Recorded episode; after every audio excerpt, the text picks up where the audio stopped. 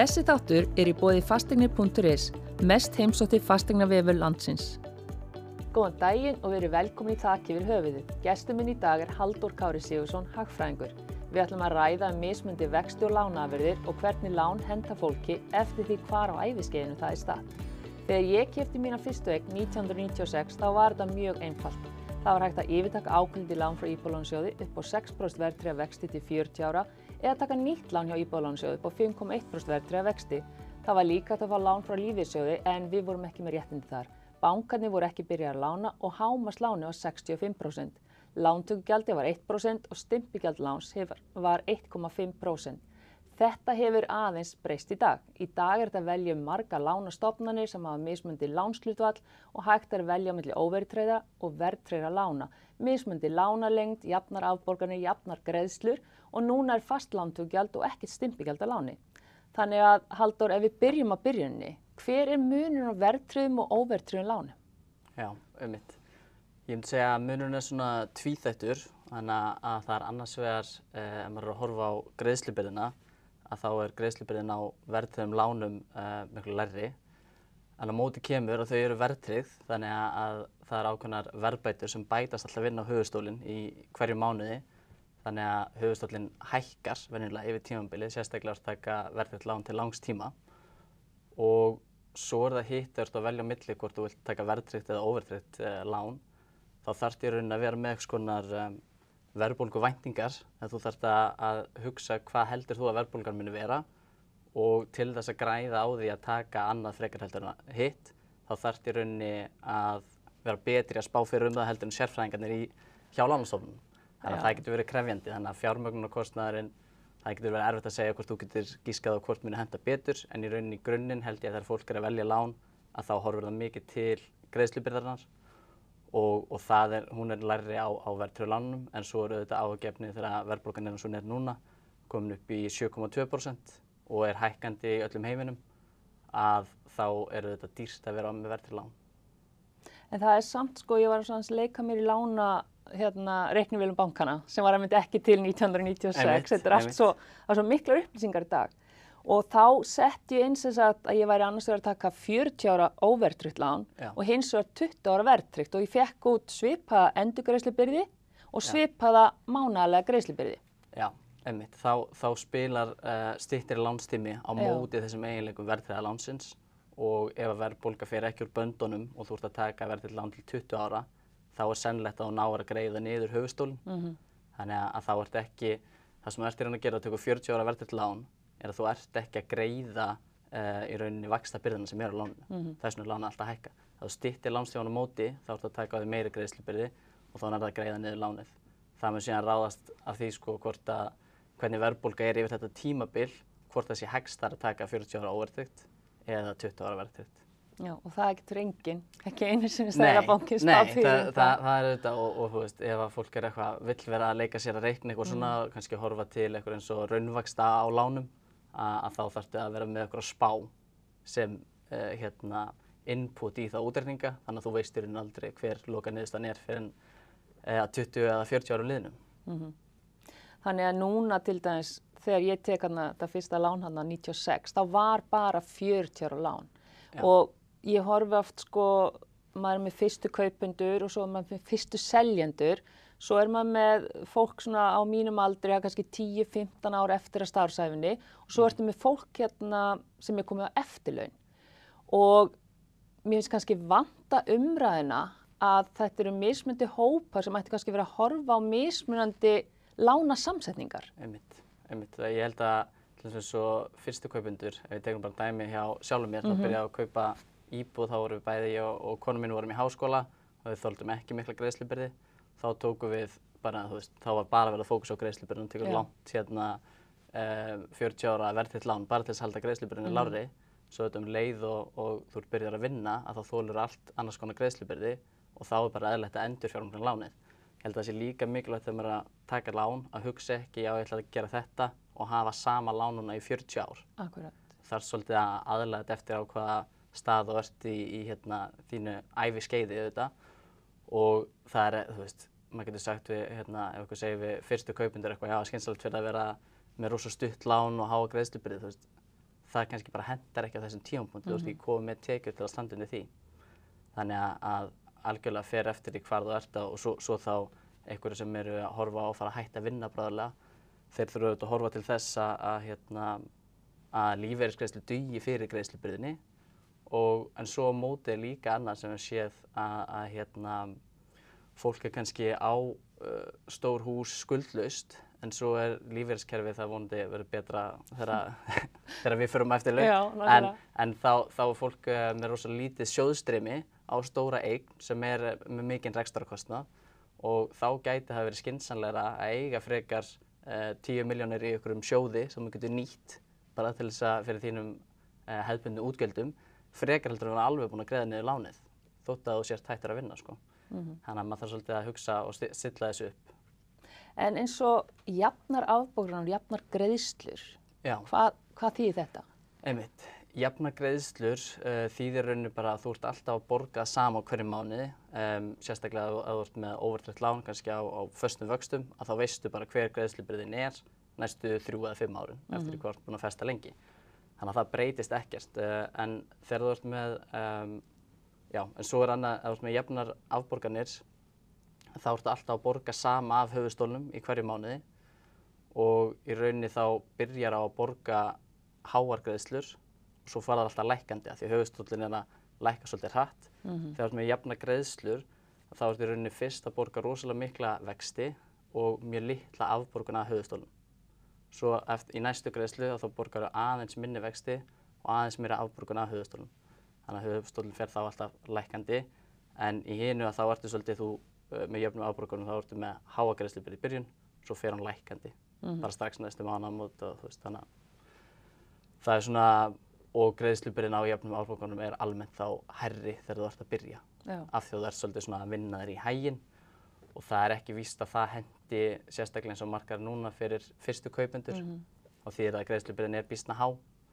En það getur til dæmis verið uh, þægilegt fyrir eitthvað sem er uh, kannski setna á æfiskeiðinu á tíu ára eftir að starfsveldinu með eitthvað álíka að vita þá bara ég er að borga þetta svolítið hraða niður núna meðan ég er með herri tekjur og þá Já. er lærri greiðslubyrði þegar að, að ég er komin á uh, lífeyrsgreiðslur. Já, að því núna líka með reglunum í Selbanka að þú megi bara skulda 35% ef þú ert ekki fyrstu kaupandi og 40% af ástöðutekjanum þínum, Já. þá kannski er bara ekki eins og raunhælt. Nei, nákvæmlega. Og, og það verður alveg áhvert að sjá núna hvort að Sælabankin mun bregðast meira við stöðunni sem er komin upp og, og nýta þessi um, fjármála stöðuleika tæki sem hann hefur til þess að hérna, draga úr í rauninni kaupgetu kaupmynda. Já. En það er líka sko nýtt sem að komi hann upp setna á skeiðin hjá mér, það var þessi endurfjármögnun. Já, Hún var heldur ekki til einmitt. 1996 og ég man ekki hreinlega hvernig hann poppaði upp. En er hún bara, er hún alltaf skynsaleg, myndur alltaf mæla með fólk endurfjármögnaði? Nei, það er náttúrulega alls ekki þannig eins og núna erum við í umhverju þar sem að vextir eru að hækka og, og fólk getur verið búið að læsa inni e, lága vexti og ef þú myndir endur fjármagna að þá auðvitað ertu bara að hækka fjármagnskostnaðin hjá þér. e, en svo í því árferði sem við vorum í, í aðdraranda á COVID, þegar COVID skall á að þá vorum við að lækka vexti mjög hratt og þá var fólk kannski með lán á 6% vöxtum eða eitthvað álíka en gætt farið að endur fjármagna og verða á 3,5 þegar vexti voru hvað legstir sko. Þannig að, að þá eru þetta mikils að vinna að endur fjármagna og ég held að, að fólk þurfi einmitt lán er ekki eitthvað sem þú tekur bara í 40 ár og, og lætir svo bara sitja inn í skuffu, þú þarftu að, að vera að endurskoða og það er alveg eðlilegt að vera að endurskoða bara jafnvel á, á 6 mánuða fresti eða ársfresti, skoða er markaðan búin að breytast, er, er eitthvað sem að, að ég get breytt hjá mér. Já, af því að núna líka eru upplýsingarnar, þær eru svo aðgengilegar. Þú getur til þess að fara inn á örbjörg.is og þá sérðu nú bara eiginlega, held ég, alla lánastofnanir og Algjörlega. alla vexti sem er í bóði og maður svona veltir fyrir sér sko, kannski fólk sérstaklega minni kynnslóð og eldra, það er ekkit vant í endilega að vera alltaf endurfjármagna. Og eh, til dæmis bara þegar hérna þú hækkar í launum, er þá ekki sniðugt að endurfjármagna og bara stytta lánið? Jú, það getur verið sniðið, sko, og svo er það einmitt svona alltaf eitthvað til að velta fyrir sér, sko, sumir sem að eru mjög svona agaðir fjármálulega Já. séð, að þeir kjósa að vera bara með mjög langt uh, lán, með lága greiðslubyrði og greiða síðan inn á lánið eftir bara, eftir atvikum. Þeir sem að svona trista sér kannski ekki í að hafa agan í það að nota afgang hérna mánaðarins í að greiða niður lánið, fara þá frekar og, og eigða því einhverja neyslu, að þeir geta þá svolítið svona hjálpa sjálfur sér með því að stytta lánið þannig að þeir hafa ekki val Já, já, um að nota þessa hérna, afgangi í eitthvað annað og það er svolítið svona tveir skólar í þessu hvort þú ætlar að, að hérna, treysta sjálfum fyrir þessu mikla frelsi að vera með rosa langt lán með lá, lágu hérna, lári greiðslubyrði eða hvort þú vilt hérna, hafa það alveg í einhverjum svona sársöka mörgum þannig að þú sért á einhverjum núl rekstri sko og, og kannski svona þessi kvöldi meðalveg rekstar þar, þar á milli. Og, og hérna ef þú ert til dæmis uh, á breytilegum vöxtum að þá þú veist, kostar ekkert að, að greiða það niður hraðar heldur en uh, greiðslu áallinu gerir ráð fyrir og ég held að sé núna þannig að, að ef þú ert á föstum vöxtum að þá getur þú greitt alltaf sem sagt eina miljón á ári umfram það sem að uh, greiðslu áallinu gerir ráð fyrir og, og þú greiðir ekkert uppgræðslugjald fyrir það og svo er líka einmitt uppgræðslugjaldið hefur uh, lækkað svakalega mikið. Það hefur lækkað rosa mikið. Það er hérna, var einmitt 2%, svo fór hann í 1% og það Já. er svona mismundi lánastofnanir eru. En það er líka sko í raun og veru eins og með að borga á lán. Skiptir einhverju máli, ég sé svo miklu, þú það er svo margir með mismundi skoður þessu að þú verðir að borga bara gjaldan og svo beintin á lánið, meðan aðri segja bara um leið að fara peningin átt að borga inn á lánið. Já. Hver er svona pælingi með það? Já, einmitt. Ef þú borgar beint eftir að þú varst að greiða hefðbunda greiðslu, að þá ertu að ná að lækka bara höfustólum. Mm Og, og það er auðvitað það sem að markmiðið er til þess að draga úr vaxtakostnaðinum.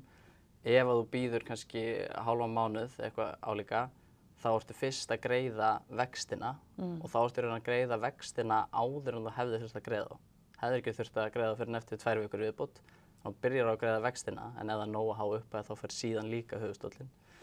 Þannig að, að jú, ef þú ert að reyna að lækka svona þinn um, fjármögn og kostnað, að þá er eðlilegt að greiða beint eftir uh, mm. gjaldnaðan. Fasteigni.is, mest heimsótti fasteignavefur landsins. Þannig að annars í raun og veru er það þá þannig að bara næsta afborgun er þá bara minni. Já, þá er hún bara læri. Já, þannig að það er raun og veru engin Nei, hagur í nei, því ekki að... þannig, ekki nema að greiðslan sé nógu stór sko. Þú getur auðvitað fletti vennilega upp og séð hvað er mikið af vöxtum uh, komið á láninu þegar sko. Þannig að þá veist að ef þú ert að borga upp það sem er lærri en það, Mhm. að þá ertu bara að lækka næstu greiðslu og hefur engin áhrif á uh, heildar. Já, en það er í raun og veru sko það sem ég held að fólk vanti svolítið, það er einmitt að vera með lánin sin í stöðugri endur skoðun af því að ég hef fengið til minn viðskiptaðinni sem að sko hafa bara ekkert skoðað lánin sín. Þau tóku það bara hana 2000 Já, og ég verð með fólk hjá mér sem segir bara ég er með rosalega góða vexti á láninu, ég er með 4,15 og ég segi byttu hérna verðtriða, já Já, Þetta, er bara, þetta voru bestu vextin en á Já. 2004 þegar bankarnir byrjuði að lána.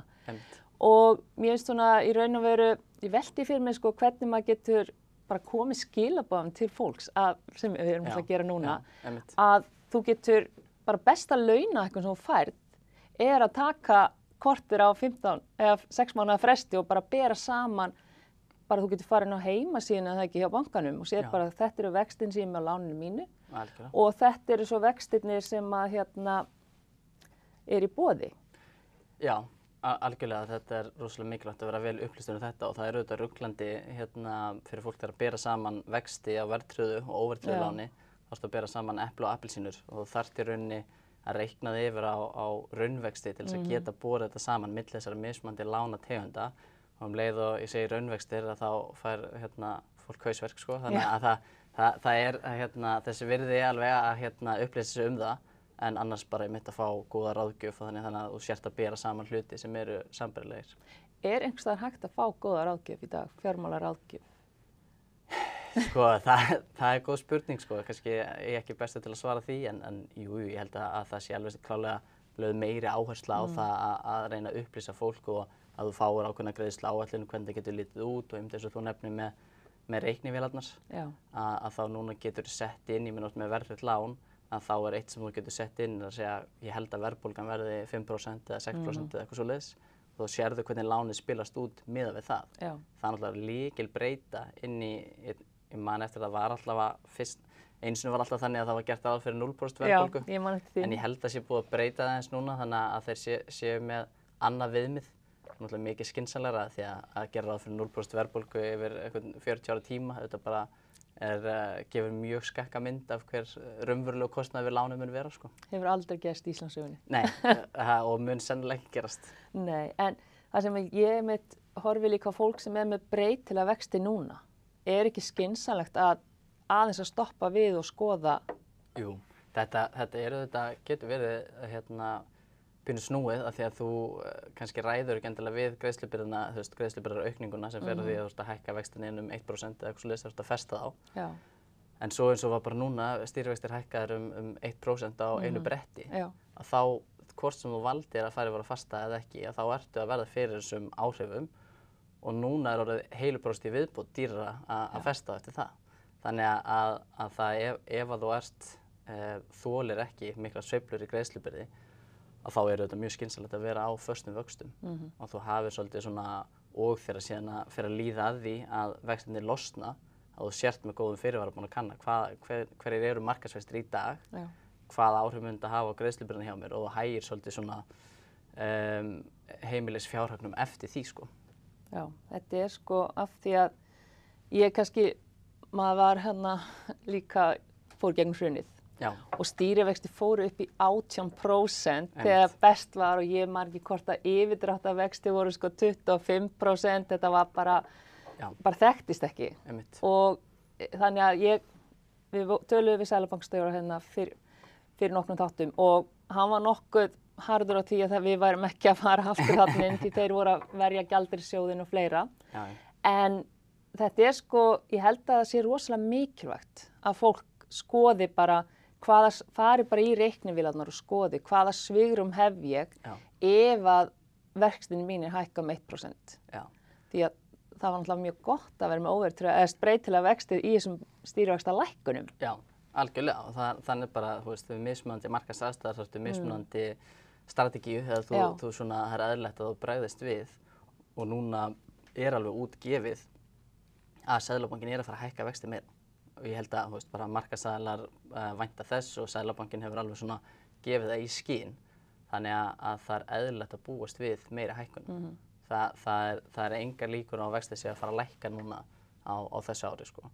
Þannig að, að áhættan er öll í þessa átt og, og ég held að, að Gylfi Sóoka sem er í peningastefnum það er verið að tala um núna um daginn að uh, það þyrfti að vera jákvæðir uh, sem sagt, raunstýrivextir. Það þýðir að vextir þurfa að vera herri heldur en verðbólga.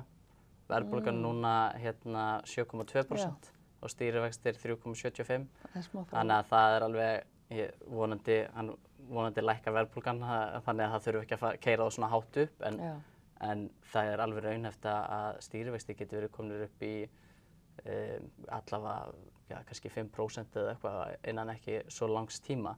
Þannig að- og, og maður þarf alltaf að rauninni þegar maður er að spila með hérna, fjára heimilsins, það voru að hugsa, þú veist, ef þetta fyrir 5% Já. og það gengur ekki upp fyrir þig, uh, starffræðidæmi gengur ekki upp þá, að þá er þetta skynsalegt að festa, svo að það sé ekki raunhæfur möguleiki að þú sért að, að horfa fram á það. Þannig að ef þú var að kaupa þínu fyrstu íbúð í dag, þess að þú væri bara akkurat þar sem þið voruð þarna fyrir nokkrum árum, hvað myndið þú gera í dag? Þetta er alltaf erfið spurning, sko. Já. En, en, hérna, já, ég held, ég held að, að hérna, maður þurfi að, að það eru auðvitað ákveðin fyrirsjónleiki í því að festa vextina. Mhm. Um, mér myndi ekki líða mjög vel með verðþitt lán núna uh, eins og, eins og verðbólgan er og þannig að, ég var mjög sennilega að horfa á overtryggt svo þá verður fólk reyna að nýta sögurumið í ef að, að þólir ekki greiðslubyrðina hafa þá eins langt í Já. lánu og, og hægt er en, og svo þá á móti spurning hvort að það væri skynsanlegt að, að festa vextina þótt að hækkunin séu þetta að miklu leiti fram að þá er meiri hækkun framöndan Mhm. og það er, það er líka bara svo getur líka bara hugsað viltu ekki frekar nýta tíman í að, hérna, að hugsa um eitthvað sem þeim er skemmtilegt heldur en að vera sífældar áhyggjur hvort að vextinu muni hækka Já. þannig að þú, þú ert raun að kaupa ákveðna tryggingu bara, það jú, þetta er aðeins dýrara en þeir eru fastir þannig að þú ert ekki að, að hérna, fylgjast alltaf með á, á hérna, miðvíkudöfum þegar Sælabankin er að ákveða hverjir stýrivextir eru með hnút í maðanum þannig að, að en auðvitað er það personubundið og, og, og fer eftir aðstæðum hjá hverjum einum. Já. Þetta er nefnilega, þetta er svolítið eins og að vera á hlutabrjámarkanum að, að reyna að Já, fylgjast með vakstaþróun á Íslandi. Algjörlega. En þú hefur líka verið að sjá um hérna greiningadeildina hjá okkur í húsaskjóli einmitt. og búið mjög gaman að hérna sjá greiningarnar og þær hafa farið víða. Þannig að greiningadeild húsaskjóls, hvert er markarinn að stefna núna á næstu Einmitt. mánuðum? Einmitt, það er nú hérna, mest spennandi spurningin er að spá fyrir um, um hvað muni gerast. Um, ég held að, svona stærsta breytan á markaðum núna er þessar vakstahækkanir. Mm.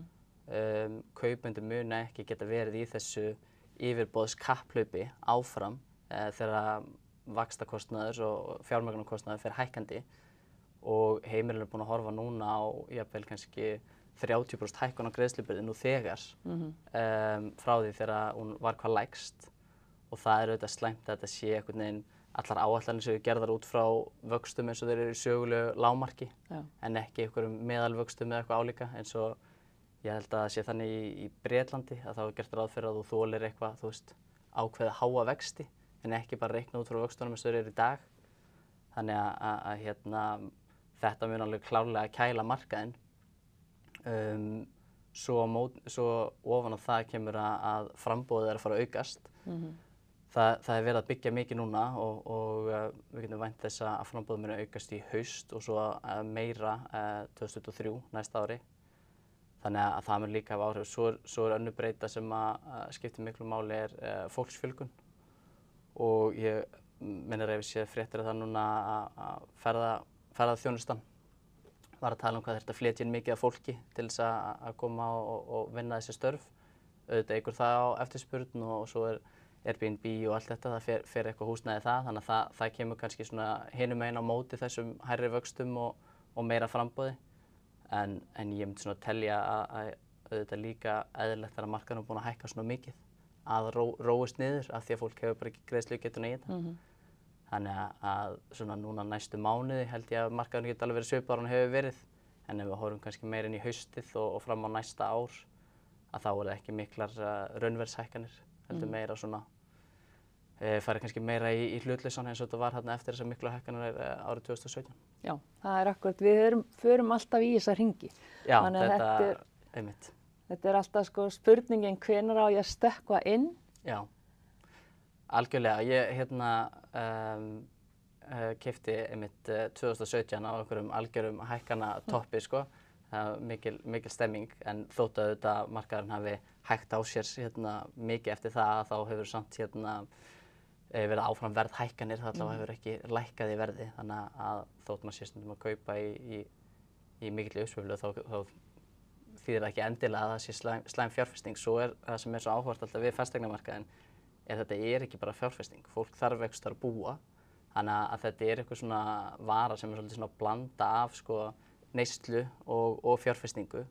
Þannig að, að fólk uh, kaupur oft ekki, ekki út frá því hvern, hvernig það er að greina markaðin, heldur bara frekar út frá aldri. Þú er bara að klára háskólan að stofna fjölskyldu og eitthvað og það vantar húsnæði og, og kaupar á þeim tímapunkti.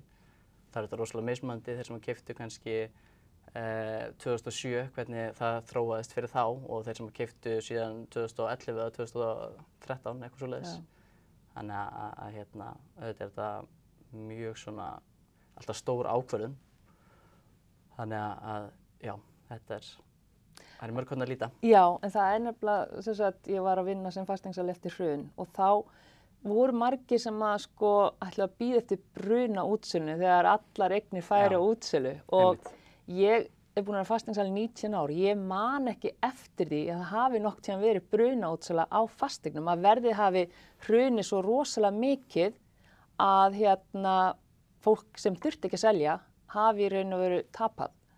Nei, það, þetta er einmitt svona spurningu það, ég held að eins og í, í rauninni, þú veist, við sjáum ekki svo mikla verðlækkun, Mhm. en á móti var öruglega seljanleikin rosalega lítill. Já, Að þú segjum og sért með hérna, sérstaklega á stærri eignum, veist, með kannski einbílshús eða eitthvað álíka og uh, þú þarft, einmitt, þú þarft að selja þegar þú ert komið með atvinnutækifæri erlendis eða eitthvað og þú Já. vilt selja eignina að þá voru kannski eins og þessu tíma voru ekki kaupendur. Mhm, uh, ekki allavega því verði sem fólk hefði sett sér við og þá er þetta líka erfitt þú kannski gefur ekki eins og þú værir að selja eitthvað á hérna, gamlan sófa og bland eða eitthvað, myndir þú vera tilbúin að gefa kannski 30% afslátt eða eitthvað svoleiðis þú gerir það auðvitað ekki á fastegninni þetta er svona einhvern veginn æfisbarnarinn er í þessu. Þannig að þá er eðlilegt að fólk færi frekar í að, að hérna, býða bara og, og, og reyna að haga seglum eftir vindi sko. Þannig að niðurstaðan er að við mælum með því að fólk skoði lánin sín og fari svolítið taki á sex mánuða fresti, skoði bara hvaða lánakjörur er í gangi og verði svolítið meðvitara um hvaða vexti það er að greiða og hvaða þólmörk þau hafa á lánunum.